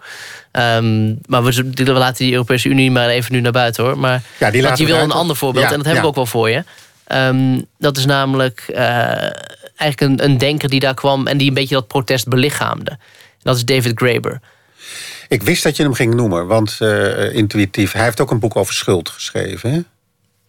Klopt, ja een soort culturele geschiedenis ja, van. Van, je ziet, ja, en Heb soort... je dat gelezen of niet? Ja, ja dat, dat is fascinerend. Even, even daarover, laten we daar ook even bij stilstaan. De culturele geschiedenis van de, van de schuld, David Graeber. Ja.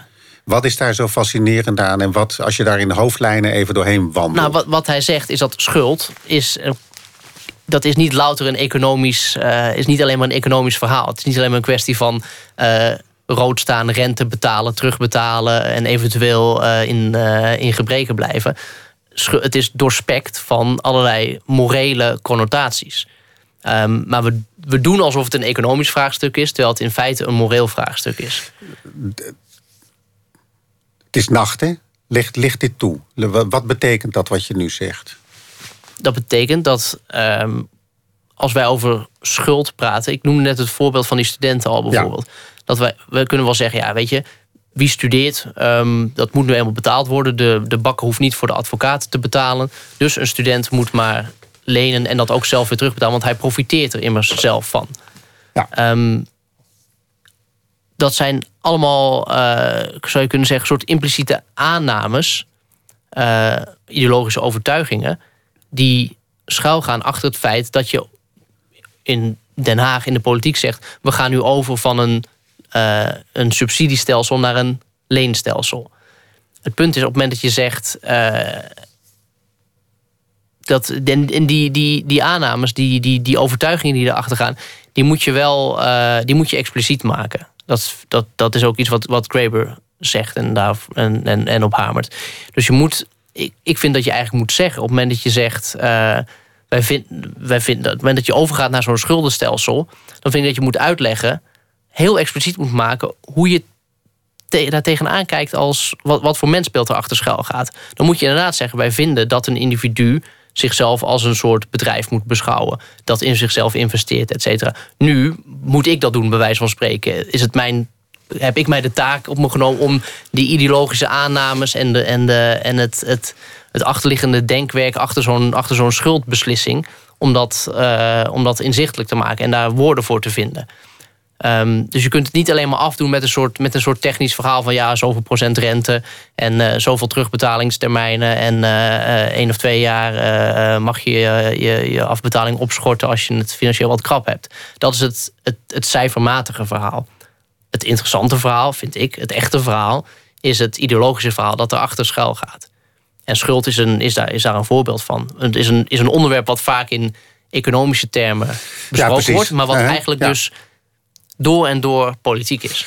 Maar Graeber, die was daar. Ja. Wat deed hij? Hij gaf een lezing, een debat? Ja, hij gaf eigenlijk niet eens een lezing. Want hij is, uh, Graeber, uh, dat is wel goed om te zeggen misschien... Uh, was eigenlijk de, het boegbeeld van de Occupy-beweging, Occupy Wall Street...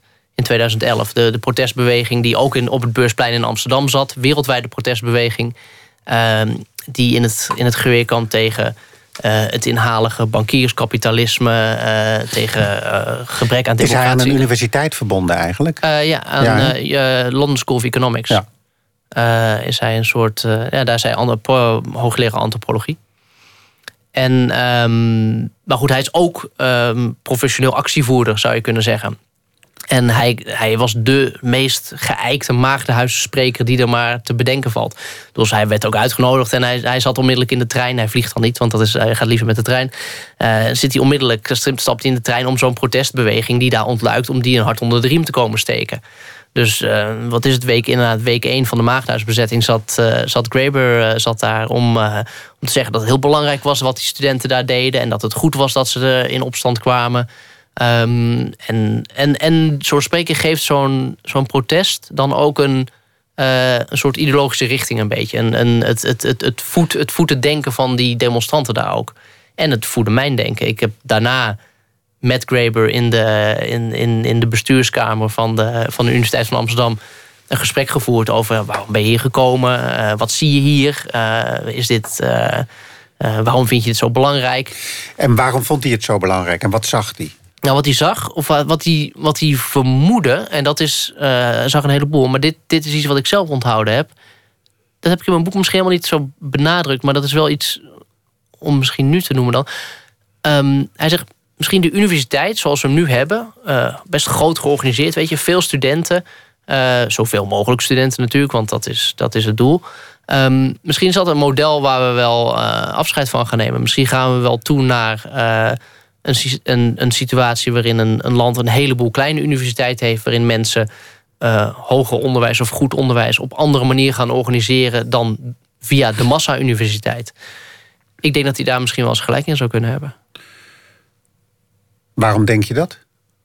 Omdat het systeem, daar is zo'n bezetting ook, zo'n protest ook een, uit, uh, een uiting van, een beetje tegen de, zijn eigen, de grenzen van zijn eigen kunnen opgaat. Je, je kunt niet met gelijkblijvende middelen steeds meer studenten in een universiteit stoppen. En verwachten dat dat uh, dezelfde kwaliteit van onderwijs blijft opleveren. Waarom ontstond die uh, bezetting op dat moment, denk je? Dus in februari 2015? Nee, dat is. Ik, ik denk dat het concreet begon. Dat is, dat is het, ook wel weer het mooie van, of van, van zoiets als een protest. Vaak is de aanleiding best wel klein. Uh, in dit geval was er een, een concreet plan bij de faculteit Geesteswetenschappen om een aantal opleidingen samen te voegen en naar wat bredere bacheloropleidingen te gaan, waarin mensen uh, niet, met, niet, zich niet specialiseren in één richting, maar een breed palet aan, uh, aan vakken volgen. En niet alleen binnen één discipline, dus niet, niet alleen Pools studeren, maar ook wat geschiedenis erbij doen. Nou goed, een beetje dat liberal arts model zou je kunnen zeggen. Nou, dat, dat zinden een hoop studenten niet. die organiseerden een klein protest. Um, dat liep wat uit de hand. Uh, er werd een kleine bezetting gedaan. Het college van bestuur reageerde met een zware dwangsom. En er stond er een soort gekke dynamiek. Waarin uh, een soort algemeen gevoel van onvrede. Of laat ik het anders zeggen. Waarin onvrede over iets heel specifieks werd gebruikt als een kerstboom. om allerlei andere onvredes over de universiteit aan op te hangen. Dus bijna wij spreken: jongens, er gebeurt daar iets oh, ik ben ook ontevreden. Nou, dan ga ik er maar eens naartoe en dan neem ik mijn onvrede mee. Je, je kunt het als een soort vuur zien. Weet je, ergens smult wat en iedereen komt er naartoe met zijn emmertje onvrede. Een soort benzine en gooit het op dat vuur. En dat gaat steeds harder branden. Ja, intussen, als je de media volgde, zeg maar in februari eh, en ook later in, in 2015 over die bezetting, dan kreeg je toch ook heel erg het idee dat de verslaggevers, de mensen die erover schreven, het idee hadden dat het een volkomen ongestructureerde aangelegenheid was. Ja, en dat was dat, het. Dat die bezetters ook maar wat deden. Ja, dat er ook een enorme hoeveelheid uh, opportunisten tussen zaten en noem maar op. Ja, maar dat, dat, is ook allemaal, dat klopt ook allemaal. Uh, er zaten opportunisten tussen, er zaten ook heel veel mensen tussen, of veel mensen. Ik denk dat het op een procent of tien uitkomt van een, van een gemiddelde bezettingsavond. Uh, die niet met de universiteit verbonden waren, die van buiten kwamen. Um, maar dat is juist wat het tot een breder maatschappelijk fenomeen maakt. Dat het niet alleen maar iets is wat over die universiteit alleen gaat. Um, en dat het ongestructureerd was, dat, dat klopt. Um, maar dat was een soort bewuste keuze van deze protestbeweging. Niet van tevoren met een dichtgetimmerde lijst eisen en aangewezen vertegenwoordigers zeggen: um, dit en dit willen wij en dat en dat moet er gebeuren en die en die mensen gaan dat voor ons regelen. Maar inderdaad zeggen: wij zijn een soort openbaar platform van onvrede. Iedereen kan komen, iedereen kan meedebatteren, iedereen kan meediscussiëren. En dan gaan we. Het is heel democratisch. Het is, het is een horizontale democratie, wordt het ook wel genoemd. Iedereen is gelijk, iedere mening telt even zwaar. En het, het, protest is inderdaad niet van tevoren bestemd welke kant het op gaat. Het, en het vormt zich al naar gelang de mensen die zich erbij voegen. Denk jij dat het fout geduid is in, in, in, in veel kranten? Ja, absoluut. Ja? ja? Kun je daar voorbeelden van geven? En, en waarom is het dan fout geduid? Nou, wat een van de dingen is dat, dat er erg gefocust werd op die, uh, op die 10% uh, vreemde elementen, uh, zou je kunnen zeggen. Dat is, ja, dat, ik vind dat een, een, een, zij, een zijpunt. Het, wat belangrijker is, is die 90% die wel degelijk van de universiteit kwam. En die hele doorleefde, hele doordachte vaak ideeën hadden over waar hun universiteit naartoe moest. Um, dat is, dat is een van de dingen. En, en het werd toch wel uh, iets, te, iets te veel beschouwd, misschien in de, in de, in de, in de media die, die dit geduid hebben, als een, uh, als een soort UVA-probleem. Uh, en, en als een bestuurskwestie. En dat is natuurlijk, ik snap wel dat dat gebeurt, want dat is saillant. de studenten zijn boos, medewerkers, professoren zijn boos. En het bestuur staat daar tegenover. En dat is de object werd, van de woede. Het werd verkleind, zeg je eigenlijk nu. Ja, of er werd in ieder geval niet uh, althans, in mijn, daarom vond ik het de moeite waard om er een boek over te schrijven. Uh, ja, wanneer heb je dat besloten? Wanneer dacht je van ik moet hier een boek over maken? Ik moet zeg maar uh, dat perspectief groter maken. Ja, nou dat, dat ik dacht meteen al, weet je, ik ga in ieder geval veel materiaal verzamelen voor een heel mooi groot terugblikkend stuk in de Groene Amsterdammer. Als het allemaal voorbij is, dat gebeurt op een moment, dan uh, doe, schrijf ik een mooie terugblik over, nou, dat was de Maagdhuisbezetting een duiding. Zoals we dat bij de dat is het, type stukken dat we bij de Groene schrijven. Um, maar gaandeweg, er gebeurde zoveel. En ik zag dat, we doen net al dat, dat schuldvraagstuk. Ook het vraagstuk over van democratie. Uh, wie heeft inspraak waarover. Je zag zoveel brede thema's, maatschappelijke thema's terugkomen in de gesprekken die in dat maagdhuis werden gevoerd. Dat ik dacht, hé, hey, hier is uh, veel meer aan de hand dan alleen iets op de universiteit. Je kunt hier een heleboel, eh, dat, dat een van die kerstbomen heb ik zelf ook een klein beetje gebruikt. Je kunt hier heel veel dingen opplakken. Je kunt deze gebeurtenis nemen. En je kunt, er een, je kunt hem inzetten om een heleboel maatschappelijke discussies te voeren. Maar wacht even, waarom denk je dat zoveel media het, het, het, de bezetting intussen uh, niet op die manier uitvergroot hebben, maar verkleind hebben? Dat is interessant. Zonder dat we daar meteen uh, schuldigen gaan aanwijzen of onschuldigen. dat, Mhm. eh, daar heb ik het niet over. Dat, dat, dat interesseert me. Hoe komt dat? Nou, Waarom om- denk jij bijvoorbeeld dat je gelijk hebt met je, met je brede perspectief? En dit bedoel ik niet als aanval, hoor, Nee, maar ik probeer te snappen. Waarom denk je dat dat gebeurde? Dat, dus dat het verkleind bleef? Omdat dat, dat is hetgene wat het meest aan de oppervlakte ligt. En dat is ook hetgene wat er dagelijks gebeurt. Die, de, de, de ruzie tussen een bestuur en een, en een, en een, en bezetters en een protestbeweging. Ehm, al wil je eh, die onderstromen, die, die, die subtielere thema's eh, eruit lichten, dan eh, moet je, ah, daar, moet je, daar heb je heel veel tijd voor nodig. Dat, duurt, dat duurt lang. En dat is ook een. Kijk, die, die, die, zo'n protestbeweging die zegt niet... hallo, wij zijn een vertegenwoordiging van een heel breed maatschappelijke stroom. Dat zegt Nee, niet. Nee, nee, nee. Het, is, het is impliciet. Het is een... eh, het is, het, uiteindelijk is zo'n gebeurtenis... Is, een soort, is gewoon een soort vehikel. Het is gewoon een, een instrument, zo zie ik het... Om een, om een verhaal te kunnen vertellen... dat groter is dan alleen zo'n universiteit. Ehm, of het daarmee... Je vroeg net, weet je of dat waar is dat dat zo is... Nee, dat, dat, dat weet ik niet. Dat is, maar goed, dat is wat ik wel wil. Die, daar wil ik wel mensen van overtuigen. Ik wil laten zien dat je een. Weet je, ik zei net al een keer. Voor mij hadden we het net al een keer even over. Je kunt heel moeilijk over abstracte dingen praten. als je het niet koppelt aan een, aan een concrete gebeurtenis. Als wij het willen hebben over een verandering in eh, hoe we vinden dat marktwerking. of het, het marktideologie ergens een rol moet spelen dan, en we gaan daar een uur over praten... En alle- zonder dat we een concrete gebeurtenis mogen noemen... dan wordt het een, een onmogelijk gesprek. Zodra er een incident is... Een, iets waar met, met, met mensen, met gezichten, met, met actoren, met spelers die iets doen... dan eh, kun je dat verhaal vertellen. Je kunt het verhaal van de gebeurtenis vertellen... en dan haal je die, die, die brede theoretische discussie... Die, die trek je daar als het ware naar binnen. Die trek je daar doorheen. En dan, eh, dan gaat het leven. En dat is, eh, dat, dat zag, ik zag dat daar gebeuren. En wanneer viel voor jou het kwartje? Dan moet er, dat, dat waren misschien wel meerdere Ja, momenten dat het een kwartje... zak vol maar- kwartjes, Een maar- zak vol kwartjes. Nee, maar er moet ook een moment zijn geweest dat het kwartje echt viel. Ja, nou dat was, dat was eigenlijk tijdens die lezing van... en dat gesprek naar de hand met die, met die David Graeber... waar we het net al even over hadden. Die zelf ook een aantal van die brede lijnen trok. Die laat zien, hé, hey, jongens, dit, eh, dit fenomeen... deze protestclub die hier nu zit... eh, staat voor een, een, een breder ongenoegen... over hoeveel zeggenschap mensen hebben die ergens werken... of die ergens wonen of ergens iets doen... op hun eigen instituut of Ja, laten, we, laten we daar even op doorgaan. Hè. Laten we de universiteit even kiezen als symbool voor de rest van de samenleving. We Ja. kunnen, hadden ook een ander instituut kunnen zijn, maar dit is een maagdenhuisbezetting. Dit was de universiteit. Wat is er allemaal mis met dat instituut? Met de universiteit. Ja. Het meest fundamentele, denk ik, wat er mis is, is het idee dat een universiteit gedijt, binnen Nederland, maar ook internationaal, door zoveel mogelijk de concurrentie met andere universiteiten aan te gaan. En dat is dan concurrentie, concur- een concurrentiestrijd om studentenaantallen, om onderzoeksgelden, om een plekje op de ranglijst, al dat soort dingen. Ehm, ja, ze adverteren daar ook mee. Hè. Ik bedoel, eh, met, met hoe goed ze zijn in een bepaald... eh, Ja, en als je ergens goed in bent, dan, dan, dan vind ik dat je dat, eh, dan, dan mag je dat breed laten Ja. weten. Natuurlijk, het punt is dat dat, eh, dat dat systeem, dat idee, dat gaat ook weer een doel op zich worden. En daar gaan heel veel eh, middelen in zitten om het, om het concurrentiespel te kunnen spelen. Om een wetenschapper die een. Die, die- je bent een wetenschapper die een onderzoek wil doen naar een onderwerp. Zeg naar de, naar de studentenprotesten in Engeland in de jaren 60. Ja. Ik noem maar wat.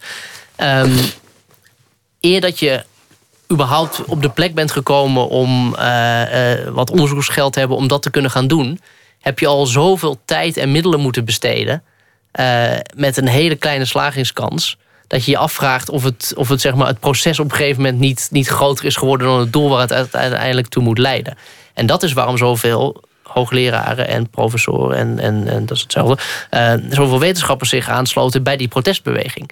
Die merkten dat de manier waarop zij als wetenschapper moesten werken en functioneerden, dat, dat, dat zin dus niet. Ze waren zoveel tijd kwijt met het invullen van lullige formuliertjes over, uh, over hun onderwijsdoelen van dat jaar. In plaats van dat ze onderwijs aan het geven waren. Ze waren zoveel bezig met het doen van een beursaanvraag voor onderzoek. zonder dat ze onderzoek aan het doen waren. Nou ja, dit herkennen mensen in andere sectoren overal. van de zaal overal ook. Ja. Hoe komt dat, denk je, dat, dat, dat, dat die systemen zo op hol zijn geslagen dat, dat we dat voortdurend hebben? Ik bedoel, mijn vrouw werkt in het uh, lager onderwijs. En, uh, ja, nou ja, die, dat, die, die zal dezelfde klachten en in de zorg hetzelfde verhaal. Um, nou ja, ik, ik denk, het punt is volgens mij op een gegeven moment... ik denk dat dat bijna een soort... Uh, nou, het is geen natuurwet, maar een soort sociale wet zou je het kunnen noemen... is dat protocollen, regels, systemen om een bepaalde activiteit te organiseren... in dit geval onderzoek doen en, en onderwijs geven Ehm, die gaan op een gegeven moment hun eigen, hun eigen leven leiden als ze te lang bestaan.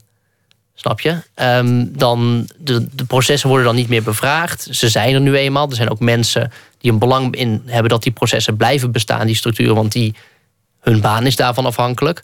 De, de overhead, het aantal mensen op de universiteit in Nederland dat een niet wetenschappelijke functie heeft, of een functie heeft die niet met onderzoek en onderwijs te maken hebben, is 42 procent. Dat betekent dus dat er 42% mensen nodig zijn om de overige mensen eigenlijk gewoon hun werk te laten doen. Dat is gewoon pure ondersteuning. Dus die, die, dat is gigantisch groot. En die mensen die hebben, er, die hebben er een belang bij dat, uh, dat die processen in stand blijven. Dat die gevolgd blijven worden. Want 42% van de werknemers van de universiteit is voor hun baan afhankelijk van die, van die protocollen en dat die uitgevoerd worden. Um, dat is een van de redenen. En een, een andere reden. Kun je dat overigens ook weer naar, uh, vertalen naar de rest van de samenleving, wat je hier zegt? Ja, denk het wel, hè? Ja, dat denk ik wel. Dat, dat, dat, dat geldt ook voor dat. Dat geldt ook in de zorg. Um, het, het, het uitzoeken van, van diagnose-behandelcombinaties en hoe die precies bij elkaar passen en ja. al dat soort dingen is een, is een procesmatige bezigheid. Dat is niet echt zorgen. Dat is niet aan het bed staan. Uh, of dat is niet een operatie uitvoeren. Het is een omlijstende activiteit die enorm veel uh, energie opslurpt. En heel veel, en heel veel geld ook. Dus ik denk dat dat inderdaad een, een, uh, een, een breed maatschappelijk probleem Misschien is het zelfs wel een, een individueel probleem. Ik ben, hoeveel tijd is een gemiddeld mens wel niet kwijt met, met, met het invullen van formulieren, dingen regelen. Alleen maar zodat je kunt doen wat je, waar het uiteindelijk om draait. Namelijk de, ja, de kernactiviteit. En dat, voor mij is dat. Voor, ik denk dat dat een een, bijna gewoon een soort kwaal van, van deze tijd is. Je kunt, het is en het, het trekt verder dan alleen maar bureaucratisering. Het is niet alleen maar dat formuliertje. Het is ook de, uh, de mentale ruimte die het inneemt. We zitten in de, in, in de tijd dat iedereen weer mag wisselen van zorgverzekeraar. Alleen al het feit dat je. Ja, nu toch niet? Ik bedoel, we zijn er nou nu ja, 2016. Voor mij mag je tot februari, toch? Ja, is dat, dat zo? Ja, ja nou, nou, laten we. Oké. Maar goed, in ieder geval. Ja. Het feit dat je überhaupt mag kiezen en dat je je moet al de keuze maken of je de keuze gaat maken om eventueel wel of niet te veranderen. Dat ben je al met een, met een, met een, met een soort denkproces, met een marktproces in je hoofd ben je al bezig. Dat kost ontzettend veel tijd en, en energie. En, als je, en hoe vaak je dat moet doen, voor, ja, ik, voor mij raak je daar gewoon uitgeput van. Uh, en het systeem, in dit geval de universiteit, raakt daar dus volgens mij ook uitgeput van. En die uitputting, die, die, die vermoeidheid met zo'n systeem dat van, van protocollen doortrokken is, dat kwam bij spreken de onvrede erover kwam naar voren, of tot uitbarsting zelfs, in die, in die maagdhuisbezetting. Maar wat voor effecten gaat die bezetting hebben, denk je uiteindelijk? Want stel je voor dat je gelijk hebt. Dus dat, dat, dat het niet een, een, een soort incidenteel iets was wat daar gebeurde, maar dat het voor iets groters staat. Ja. En dat we de betekenis niet mogen onderschatten. Stel je voor dat, dat je daarin gelijk hebt. Hè? Wat zouden dan, dan, dan moeten de consequenties gaan volgen? Dan moeten, hè, dat, dat, dat moet gevolgen hebben. Ja. ja niets moet, maar... Nee, dat, maar, dat... maar wat zou er dan kunnen gebeuren? In de samenleving of... Op, nee, we, we, houden het even bij de universiteit. We blijven gewoon volgens het Billy Wilder eh, perspectief mm of principe. Hè, die, of, nee, die zeiden altijd als hij film maakt. Je begint door een wc-raampje te kijken en dan laat je het groter worden. Dat is wat wij nu ook al bijna anderhalf uur zitten te doen. Zo die maagdenhuisbezetting zeg maar, laten corresponderen met wat er in de rest van de wereld gebeurt. Maar goed, laat het even daarbij houden. Wat nou, heeft, een, gaat het gevolgen hebben? Uh, ja. Een van de gevolgen die het nu al heeft, is dat uh, er is een binnen de universitaire wereld, in alle gesprekken die ik daar nu voer, uh, iedereen is ontzettend op zijn hoede. En iedereen denkt veel meer na over: hey, wat zouden studenten en docenten uh, eigenlijk hiervan vinden? Iedereen die in, in de beleidsschil verkeert, is veel meer bezig dan, dan hiervoor. Dat, die stelling durf ik wel aan. Uh, met het maken van een inschatting van uh, wat de gevolgen zijn van de keuze die zij maken op de mensen om wie het gaat. Om die studenten en om die onderzoekers. Maar ben je niet veel te optimistisch? Nou, dit was nog vrij voorzichtig. Dit was een soort menta kleine mentale verandering. Ja, oké. Okay. we, gaan, we bouwen langzaam op. We bouwen langzaam op. Um, gaat het, is, krijgen we binnen nu en een jaar een complete systeemswijziging? Nee. Um, maar, en ik denk ook niet dat je heel concreet kunt zeggen straks dankzij die maagdhuisbezetting is dat en dat en dat gebeurd. Maar ik durf wel de gedacht, het gedachte-experiment aan dat als je over een iets langere periode, dan heb je, dan heb je het misschien wel over, over een decennium, over, over twee decennia, gaat terugkijken naar dingen die eventueel veranderd zijn binnen dat universitair bestel, dat je dat heel makkelijk, en dat is deels theoretisch, kunt terugpinnen, kunt zeggen, ja, dat is ongeveer gaan schuiven toen ten tijde van die maagdhuisbezetting. En dat weet je, ik vind daarom ook eerlijk gezegd, de, deze vraag stelt iedereen hoor. En ik, dat bedoel ik ook niet vervelend. Nee. Um, maar de vraag is, ja, wat heeft het dan opgeleverd of wat gaat er nu veranderen? Dat is een beetje een. Uh... Nee, maar ik heb een veel leukere vraag voor je. Voor het slot van dit programma. Um, want deze hele reeks, de hele week, staan in het teken van filosoferen. Dus laten we ook eens een gedachte-experiment doen. Laten we daarmee eindigen. Okay. Um, en dan nodig ik jou uit om utopisch te denken. Gisteravond had ik A.W. Prins uh, uh, s'nachts op bezoek. Die nou juist niet meer utopisch wilde denken, maar topisch. Hè, dat utopische mhm. denken, nou, dat deed hij heel mooi. Maar filosofie uh, houdt toch ook in dat je tegen jezelf in gaat denken. Dus we gaan nu weer utopisch worden. Dat wil zeggen, jij gaat utopisch worden. En jij zou moeten schetsen, een blauwdruk moeten leveren. En dat mag je, dat mag je wat mij betreft hou het maar even op die universiteit. En die laten we dan even symbool staan voor de rest van de samenleving. Want dan kunnen we het misschien ook op een zorgverzekeraar uh, plakken... of op een lagere school of wat dan ook. Wat? Veranderen maar. Heel goed. Um, ten eerste is dat wat er gebeurt van dag tot dag... of het nou op een, op een gewone door de week maandagochtend uh, lesuur op een universiteit... Uh, dat wat er gebeurt de inhoud die op dat moment gedoseerd wordt, iets, is iets wat de docent uh, in principe volledig zelf bepaald heeft. En er is niet, er is niet iemand die, gaat, die dat komt controleren om te kijken of dat wel of niet klopt. Of wel of niet, uh, um, wel of niet aan bepaalde eindtermen voldoet. Weet je, dit. En vervolgens gaat die, die, die onderzoeker, die nadat hij zijn college heeft gegeven, uh, gaat hij naar zijn, naar zijn bureau en gaat hij werken aan zijn onderzoek. Uh, en dan zegt hij, hey, ik, ben een, ik ben een onderzoeker. Uh, dat, ik, heb mijn, mijn sporen als onderzoeker verdiend. In, mijn, in dit gedachte-experiment ga ik even uit van de, uh, van de hoogleraar... die al, al, wat verder in zijn carrière is. En dan zegt hij, hey, volgens mij is dit een heel belangrijk vraagstuk om te gaan onderzoeken. Ik moet bijvoorbeeld echt eens gaan kijken naar veranderingen... in hoe wij tegen het marktdenken aankijken. Um, en ik vind, vanuit mijn professionele expertise, dat dat het belangrijke onderwerp is waar ik mij als wetenschapper mee moet bezighouden. Nou, volgens mag je, kan hij dat dus ook gaan doen. Zonder dat hij, hij moet dit overleggen met collega's, hij moet hierover praten, et cetera, natuurlijk. Um, maar de keuze voor dat onderwerp wordt niet bepaald en dat gebeurt nu. En dat is iets waarvan ik, e-, dat is een van de dingen waarvan ik echt die, die, die protestbeweging wel zeg van daar hebben jullie echt een punt dat wordt dus niet in Den Haag bepaald door de politiek die zegt we hebben tien topsectoren en dat betekent dat al het onderzoek uh, moet, doen, moet voldoen aan chemie, uh, uh, nou goed, wat, zijn, wat is het allemaal, natuur en voeding en nog een aantal. Want dat is niet, dat is, daarmee wordt de universiteit een instrument van de politiek. En dat is voor mij gewoon fnuikend voor de hele, het hele ideaal van een universiteit, waarin die, die mentale vrijheid, die academische ruimte, het idee dat je als wetenschapper en dus ook als student die daar dan een tijdje rondloopt, gewoon je nieuwsgierigheid mag volgen. Mag zeggen, hé, hey, volgens mij, ik, ik, ik vind dat dit interessant is. Volgens mij, laten we hier eens naar gaan kijken. Want je, je, als je dat niet doet, als je, die, als je dat ingaat, dan pers je eigenlijk alle toeval uit het systeem. Alle ruimte om voor iets, iets toevalligs, een mooie ontdekking, iets waarvan we van tevoren niet gedacht hadden dat dat er was, dat, dat verdwijnt dan. Dus ik weet niet hoe concreet je die blauwdruk wil hebben. Nee, maar, dit, maar dat, dit- is, je dat je- is wat er moet gebeuren. Je bent op de goede weg. Ja, maar nu vanuit. En nu de studenten. Nu even vanuit de, vanuit de studenten. Ja. Dan eh, op het moment dat je je, collegezaal binnenloopt op diezelfde maandagochtend, eh, eh, tref je daar eh, precies zoveel mensen aan als dat je nog bij, die je nog bij naam zult kennen. Eh, dus even wat bedoel te zeggen, dus niet die collegezaal met, met 300 man en nog één collegezaal verder met nog eens 300 man, maar dan met een scherm in plaats van met de hoogleraar voor de neus. Ik heb zelf, en dat is best een luxe positie, maar voor, ik zie niet in waarom dat niet eh, als, als leidend ideaal kan gelden en waarom dat niet eigenlijk altijd kan.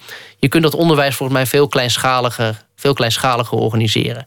Het, ide- de meeste lol, de meeste kennis, die haal je gewoon uit, uit, die, uit gesprekken die je met mensen hebt. En als het moment dat het systeem daar niet, eh, geen ruimte voor schept, op het moment dat het met heel veel mensen het, het passief innemen van iets is, dan, dan leer je ook die, dan leer je je brein ook niet volgens mij onvoldoende gebruiken. Dus voor die student betekent het dat hij in een, in een klein groepje, eh, misschien wel met z'n allen, eh, gaan, dat ze één boek gaan lezen, eh, acht weken lang. En dat helemaal tot op, tot op de bodem uitbotten. En daar dan vervolgens een, een mooi verhaal over mogen schrijven. Of moeten schrijven als, als, als eindopdracht. Weet je wat het aardig is? Dat. Ik heb deze week eh, verschillende mensen gesproken. En Gabriel van der Brink bijvoorbeeld. Maar ook Marlie Huijer. Die, die, die betoogde op eh, sommige momenten.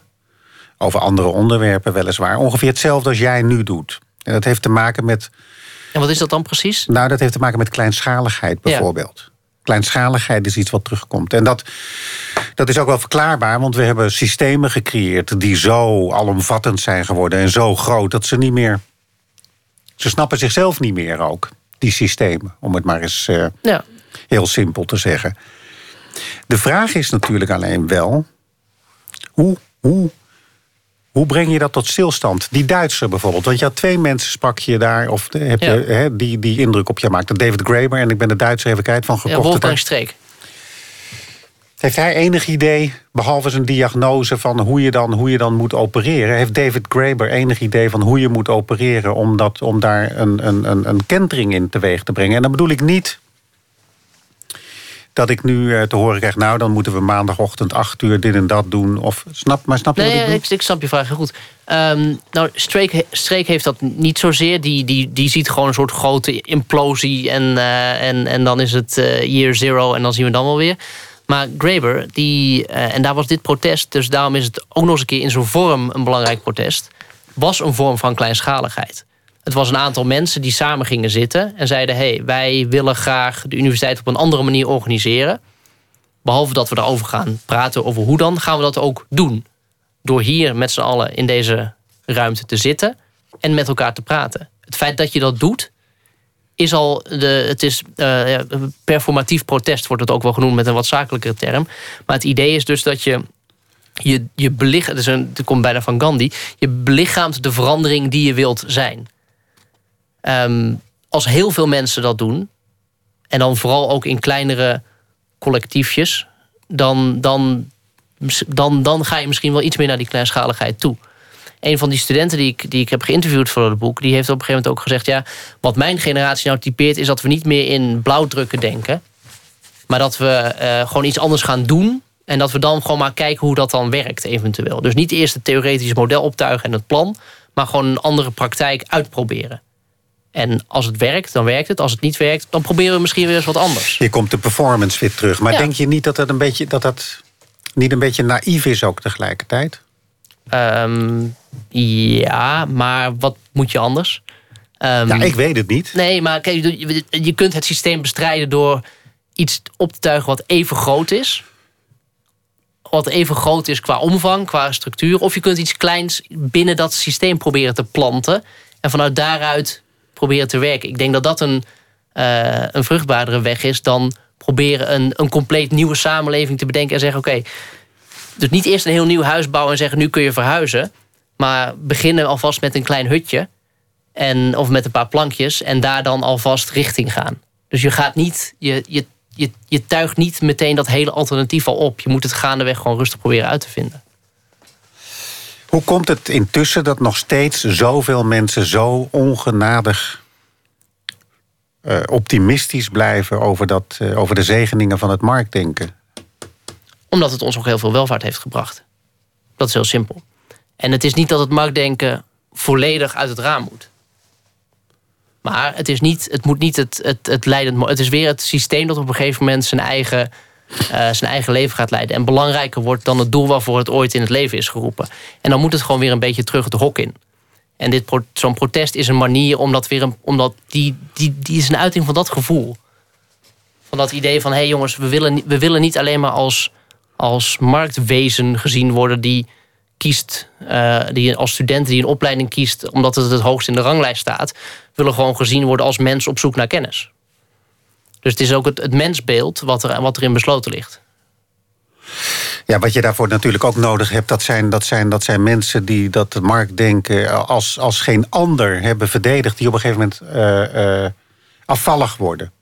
Die zijn er natuurlijk al wel. Ja, ja die, die zijn er. Ehm, maar zijn dat, ik, weet niet of, ik weet niet of dat de mensen zijn waar de grootste verandering vandaan Nee, kan nee, komen. nee, nee, nee, nee, maar die heb je wel nodig als steun. Dat is wat ik meer bedoel. Ik bedoel, er moeten, er moeten scheuren in het systeem gaan ontstaan natuurlijk. Dat is wat ik bedoel. Ja, maar die, en die scheuren die zijn klein. En iemand moet die scheur wrikken. En dat gaat dan letterlijk met een open gewrikte deur.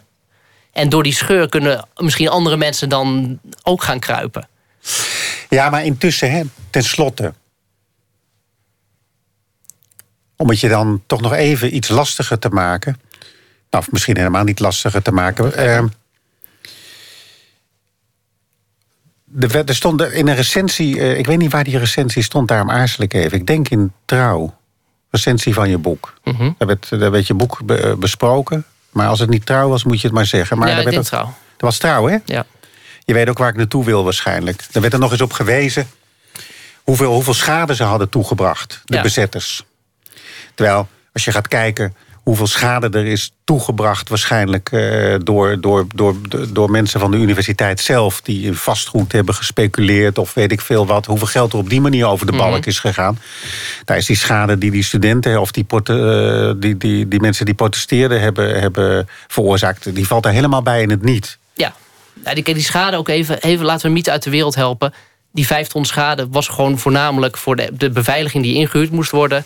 En de vervangende kantoorruimte binnen de universiteit die afgerekend moest worden. Dus dat is gewoon een soort vestakboekzakrekensom. De echte schade die bedraagt een fractie van die vijf ton waarover gepraat wordt. Ja. Maar ik weet een klein beetje wat jij wil. Nou, wat ik bedoel te zeggen is dat zolang. eh, Kijk, toen ik dat las, dacht ik, ja, oké, nou ja, weet je, je hebt een prachtig boek geschreven, maar dat gaat, dat gaat over, over, over hoe mensen in verzet komen tegen iets. Maar de, de, het, het, de meerderheid denkt wellicht nog steeds. Ja, maar die vervelende studenten die hebben gewoon eh, tonnen schade veroorzaakt. Snap je wat ik bedoel? Ja, maar ik probeer dus dat, dat is een van de ja, dingen die snap ik wil. ik dat je dat wil. En nou zitten we hier ook voor een deel. Maar, die, eh, maar dat is, dat is een, een strijd om, om, om wat belangrijk is in de discussie. Kijk, die, de universiteit die wil misschien graag over die schade van de studenten praten. Eh, die studenten willen praten over de schade die de universiteit zelf eventueel aanricht op haar eigen systeem.